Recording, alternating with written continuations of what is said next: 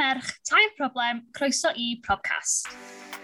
Drunk voice notes ag random chats a llunio rhywun yn cael pŵ. Pan mae dydd Gwener yn dod, living my best life is PJs on the sofa ar ben fy hun, a mae hynny'n iawn. Major FOMO, pe maen nhw yna mm. ac yn fel Snapchatio o falle, a ddech chi dda, oce, okay, dwi'n gwely. Mae hyn yn gret. Rhybydd, mae yna bach o'r hegi yn y podlediad yma. Sorry, mam.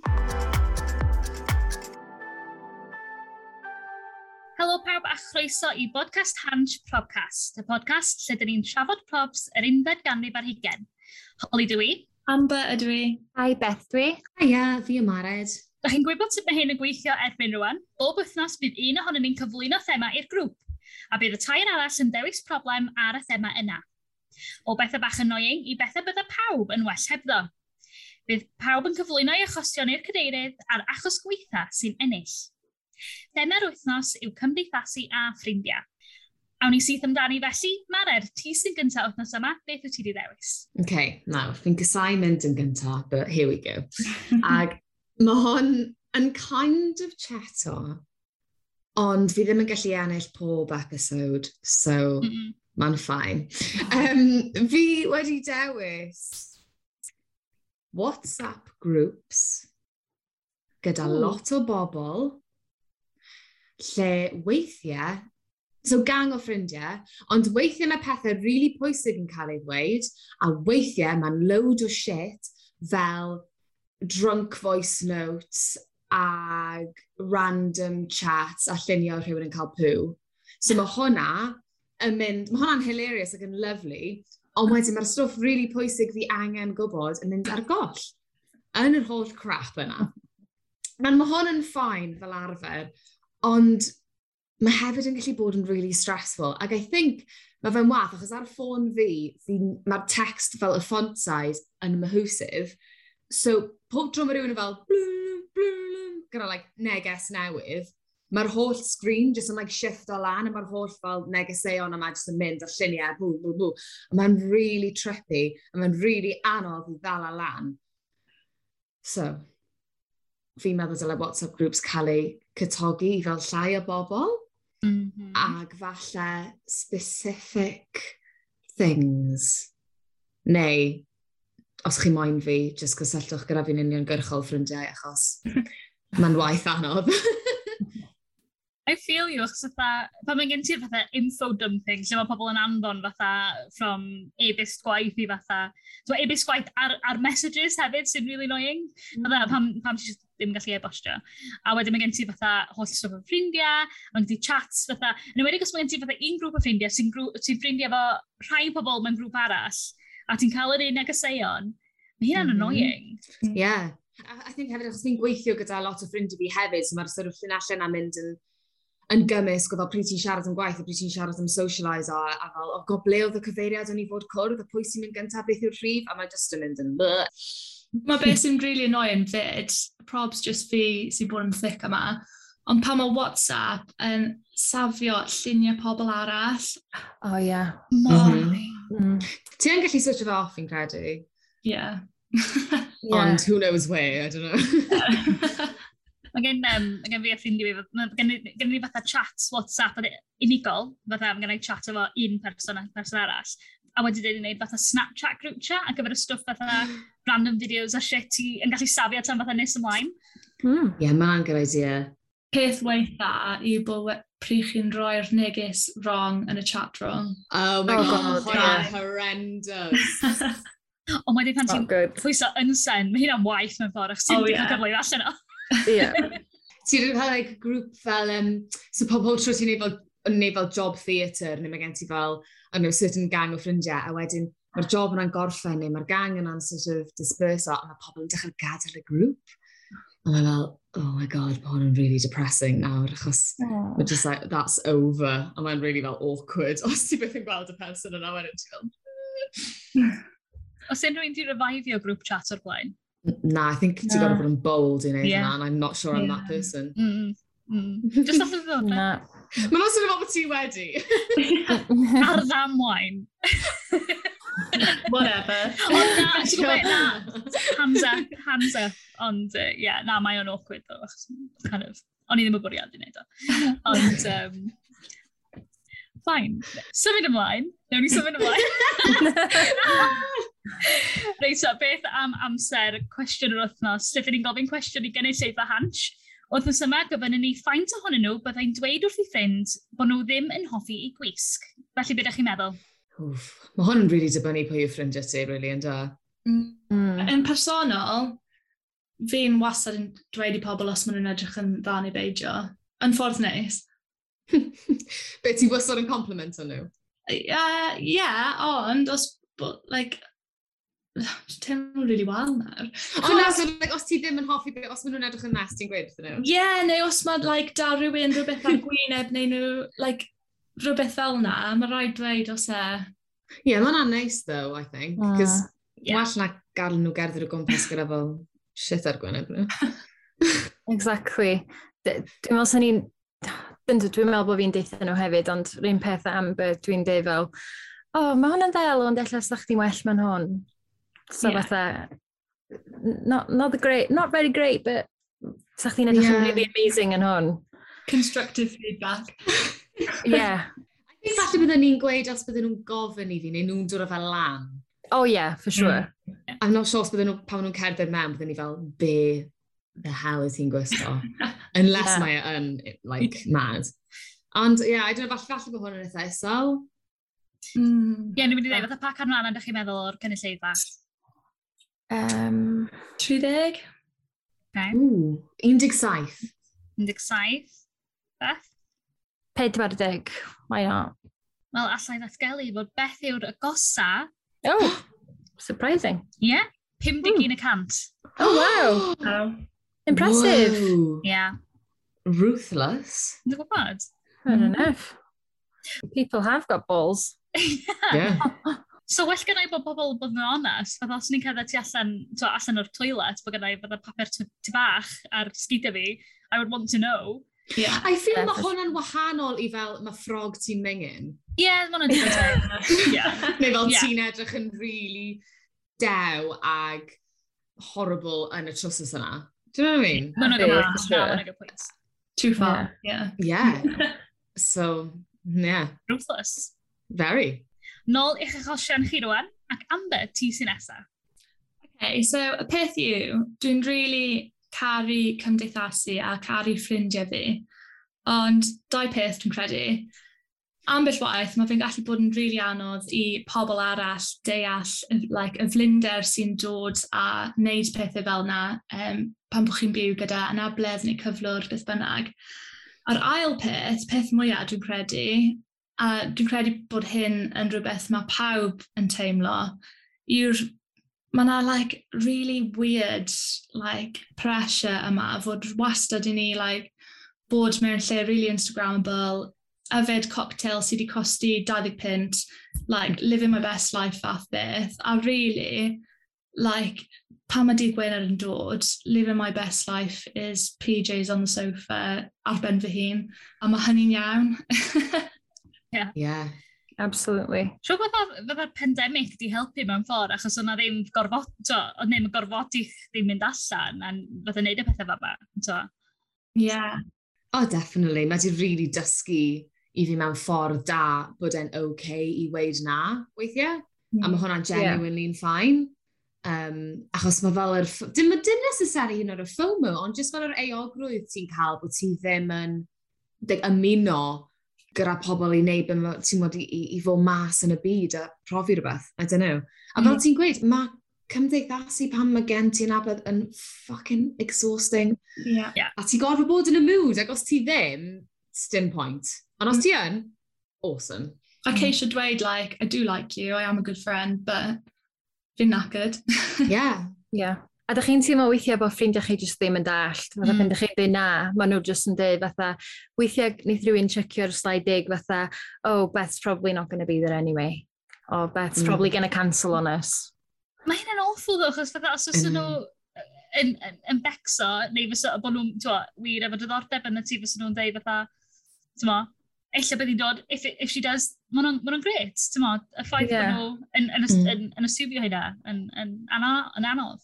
Yeah. Maen nhw'n yeah. mewn ffordd playful, lle fatha, just fatha, oh, Bet's not going to be there anyway, kind of thing. Ond mae dal yn fel, oh, bit of a sting. Yeah. Yeah. yeah. Achos chi really moyn, that's the problem, ne? Yn union. Mm. Yeah. A beth ti'n dweud, major FOMO, pe maen nhw mm. yna, mm. ac yn fel Snapchatio o falle, a ddech chi dda, oce, okay, dwi'n gwely. Mae hyn yn gret. Yeah, exactly.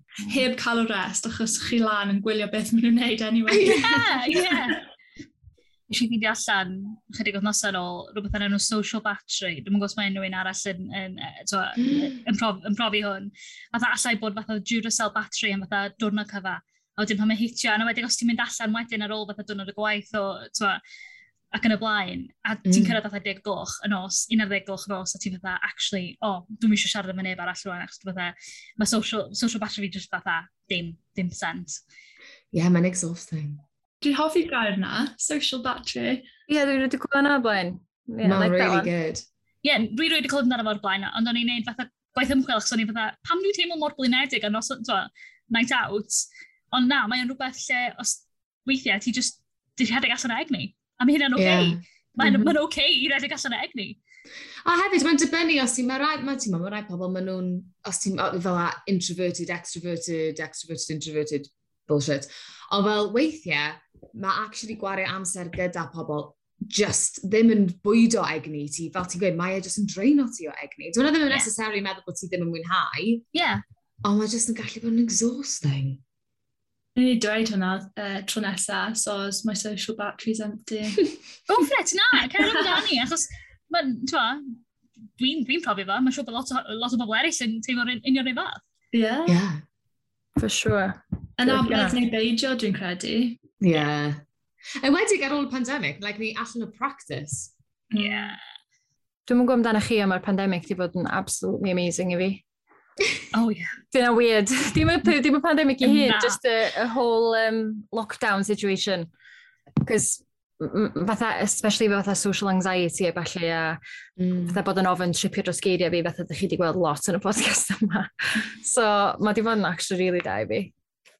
I know what you mean, mae na, ma na fel good sides. Yeah.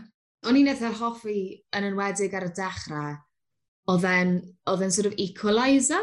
So, am y tro cyntaf, pobl oedd erioed wedi cael problemau yn symud y gwmpas yn navigato'r byd a rhedeg ar, at a certain pace, neu gallu gallu cyflawni popeth yn really hawdd, oedd suddenly, o'n nhw ddim yn gallu wneud hwnna, ac oedd rhaid i nhw slofi lawr a meddwl am sut o'n nhw'n gallu wneud pethau, o'n nhw ddim yn gorfod, dwi'n o'n nhw'n cymryd yn ganiataol, o'n nhw suddenly gorfod ystyried sut o'n nhw'n gallu wneud pethau wahanol, ac o'n i fel, welcome to my world.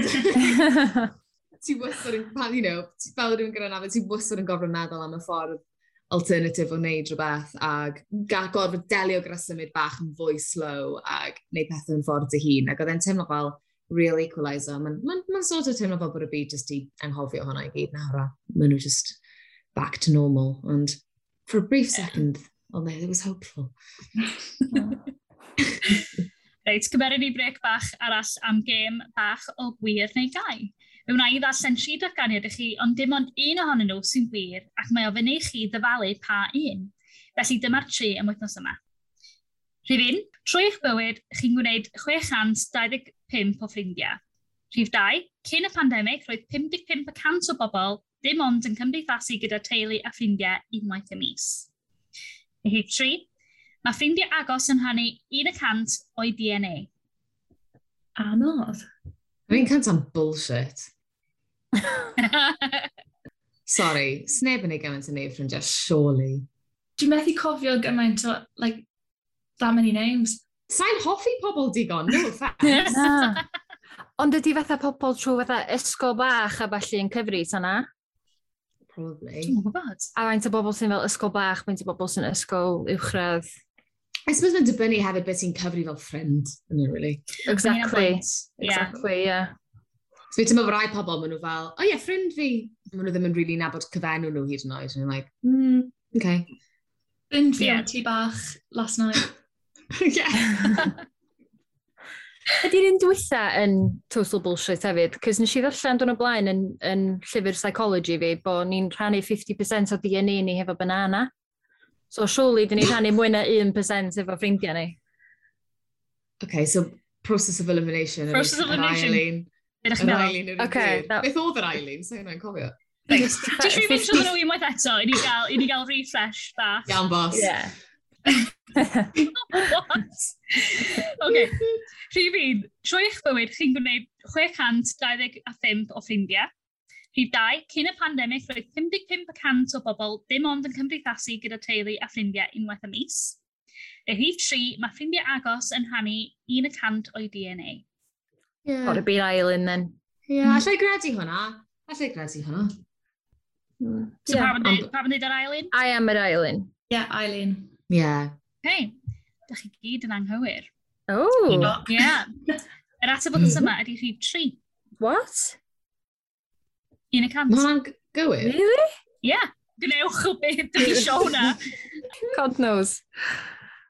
Interesting. Fi eisiau gwybod mwy am bod yn hanner banana. Mm-hmm. Yeah. yeah, no, oedd o jyst yn deud rhywbeth amdan bod ni, oedd nhw wedi gwneud experiments ar monkeys a maen nhw fatha 98.5% neu rhywbeth um, rhannu DNA efo humans. A nath nhw dweud, take, take for that what you will because we do share 50% of our DNAs with bananas. So... Fi wedi cwrdd â bananas fwy charming na pobl, to be fair. yeah. So, sgwni os fatha bod ni'n rhannu fatha rhan fwyaf o DNA ni efo monkeys, ond fatha bod ni efo fatha exact fatha identical DNA efo ffrindiau agos. Dwi ddim yn gwybod, mae'n rhaid ni wneud mwy o ymchwil. Mm -hmm. Stay tuned, yeah. yn gwybod. yeah, for sure. This is not a science podcast. yeah, quite. Um, os gyda chi diddordeb yn gwybod beth yw'r ateb yn i'r lleill? Yes. Yeah. yeah. So, trwy'ch bywyd chi'n neud 625 o ffrindiau, 396 dal yn uchel. Still high, ie. Yeah. Ie. Yeah. Yeah, Mae'n ma teimlo'n well. Y chwe cat. Ydy, fi ddim yn teimlo bod fi rhi off track. No. O'n i yn cyfarfod gynnar a oedd oedd un o'r dynes, dynes? Girls, women, whatever. oedd hi wedi cael parti ar y penwthnos gyda 90 pobl yn tŷ hi a ddyn un o'r boys just i troi hi. And he was like, how the hell have you got 90 friends? wow. Charming. Oedd hi fel, hawdd? Mae hynna jyst yn rhoi anxiety fi, meddwl bod 90, 90 o bobl mae'n un lle ar yr un Ie, yeah. a fi. Yn tŷ fi hefyd, fi'n fel, dim diolch. Na. A rwan mae mond efo 89 o ffrindiau, because he's now not one of them. at y nesa. Beth ti si olau fynd wrth yma? Beth wyt ti wedi ddewis? Yn anffodus, mae NBA yn alignio exactly hefo un amber. Mm. So, mae o'n kind of tiny bit wahanol. Mae o just am salwch ni yn nid o'n rili really anodd i... Fatha, dwi'n teimlo lot bod fi ddim yn contributio gymaint i friendship ni a maen nhw yn contributio. Just because o'r ffaith bod fi yn diblino lot a neu sal ar y particular dyn nhw'n, So dwi ddim, dwi, maen nhw definitely mynd allan mwy hefo'i gilydd na maen nhw hefo fi, a dwi'n teimlo'n really crap am hynna. Ond hefyd, dwi'n teimlo'n really crappy amdan eto rhywbeth mae am beth di mentionio gyna amdan Instagram. Y munud ydych chi'n dechrau fel postio ar Instagram a pobl yn dechrau ffolio chi a falle, ydych chi'n meddwl teimlo massive pressure i postio fatha stories constantly a grid posts a fel just cadw fo on track, cos dwi yn constantly fel meddwl bod fi'n gorau neud o, a wedyn, er, ers bod fi'n sal am y past nine weeks, dwi literally pedi bo'n postio dim byd, a dwi'n meddwl bod fi wedi postio ers just mis. A mae just fatha, mae'r pressure arna fi, fatha pobl yn message o fi'n dweud, fel, where have you gone, a falle.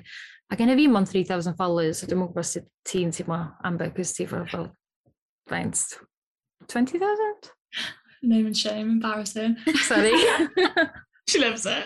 na, na, dwi'n hollol gytuno, Lou. Hollol gytuno. Mae'n gymaint o pressure. It is what it is, though, innit? Mm. Mm. Yeah. A hwnna reality ti. Like, mm. A dim mm. just ti. Mae ma hwnna'n reality i gymaint o bobl. A dyna be ni'n anghofio, achos mae ma, mae social media stuff yn neud i bawb anghofio beth yw reality weithiau. Mm -hmm. A dwi'n teimlo fatha bod dwi ddim yn siarad digon amdan uh, salwch a anabledd fi. Fatha, dwi, nes i'n pwstio llun o fy hyn mewn cadarolwyn am blynyddoedd. So, os o rhywun di meetio fi yn real life, so nhw probably di bod fatha, waw, mae'n mewn wheelchair, fatha, so ni byth di gesio, cys Cys bod fi'n gallu sefyll chydig, neu oedden ni'n, cyn i fi gallu bod yn sefyll fel, o'n i'n just cymryd fel purely selfies neu lluniau o fi'n fel eistedd lawr o'r soffa neu rhywbeth, so os nhw byth di gwybod, ac oedd o'n kind of fel, dim yn gwybod os o'n i'n embarrassed amdano fo, neu o'n i just yn insecure amdano fo. Ond rwan bod fi yn pwstio mwy am salwch fi, dwi'n teimlo fatha, dwi'n eisiau pobl feddwl bod fi'n fel trio hel sympathy gan pobl, cos bod fi'n mention efo. Ond mae o'n gymaint o part o bywyd fi a mae o'n explanation am pam dydw i ddim yn postio falle. So dwi'n mm. teimlo fatha dwi'n goro siarad amdano fo, ond hefyd dwi'n misio dod, dod, dod dros fatha, oh look at me, I'm, I'm disabled. Lle. Hyd yn oed bod Instagram yn like, fath o escape i rai pobl, mae oh, ma hollol well gen i like, dilyn pobl fel ti sy'n like, actually go iawn ac yn defnyddio mm. pethau fel na ac yn bod yn onest yn beth i nhw. Ie, dyna yeah. pan dwi'n licio ffolio chdi, cys ti'n siarad lot amdano fo. fatha, O'n i'n mynd gwybod llawer amdan stoma bags a falle cyn i fi ffolio chdi. So dwi'n really appreciate hynna, ond dwi'n siŵr sure mae pobl arall yn teimlo amdano fo pan mae'n dod i fi, ond dwi'n meddwl just insecurity dyna de. Does maen nhw ddim eisiau gwybod, maen nhw ddim dilyn ti yn ddenu a they're not your people, and that's fine. Yeah, true, true. Yeah. You know, ti ddim moyn nhw'n dilyn ti, bye bye. Yeah.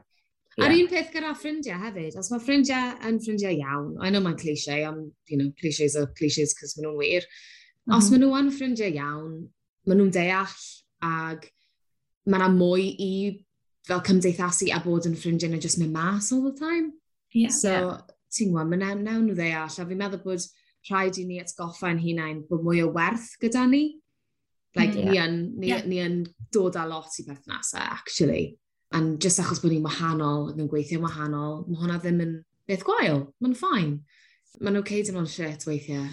Mae dim byd ond stop o'n nhw i ymuno chdi ar y soffa yn PJs ar nos Wener. Ie, yeah, Chwarae teg, pen o'n i sal, nath ffrindiau fi gyd actually dod drosodd few times, a nath e, mm. oedd un o ffrindiau fi'n dod drosodd i rei French plats yn gwell fi bob few oh, days. No, lovely. Gwell fi'n anoio fi, so oedd un just yn French plats i fo bob fel 3-4 diwrnod. Oedd o'n really oh, nice. Oh, mor nice. Ie, yeah, oedd o'n very sweet, a pob yn, nath nhw'n just dod e eist yn gwely fo fi, oedd o'n cute. Ie, yeah, na beth chi eisiau. Yeah, appreciated that. Shout out. Yeah. Yeah. Ar y nodyn yna, dych chi gyd wedi rhoi achosion creu, ond mae rhaid i ddewis un. A dwi'n meddwl oedd yma, dyn ni'n mynd i cael tai, achos dwi'n meddwl bod Amber a Beth yn gwneud achosion rili really creu, a dwi'n meddwl dyn ni gyd yn uniaethu efo'r profiadau yna. Be ydych chi'n meddwl? Ie, yeah, hollol cytuno. Ie. Yeah. A dwi'n credu yr un gyntaf yw hynny bod fi wedi actually ennill. O, oh, llawn diwylliadau! Congratulations. Diolch. Diolch yn fawr i chi am rannu'ch profiadau ac i chi gyd adra am rando. Cofiwch i dan ysgrifio ble bynnag ydych chi'n gwrando ar eich podlediadau chi. Byddwn ni nôl wythnos nesaf i drafod technoleg ac yn gweld ffaint o gynulleidfa hans sydd yn defnyddio cyfrif Netflix rhywun arall. Hwyl am y tro!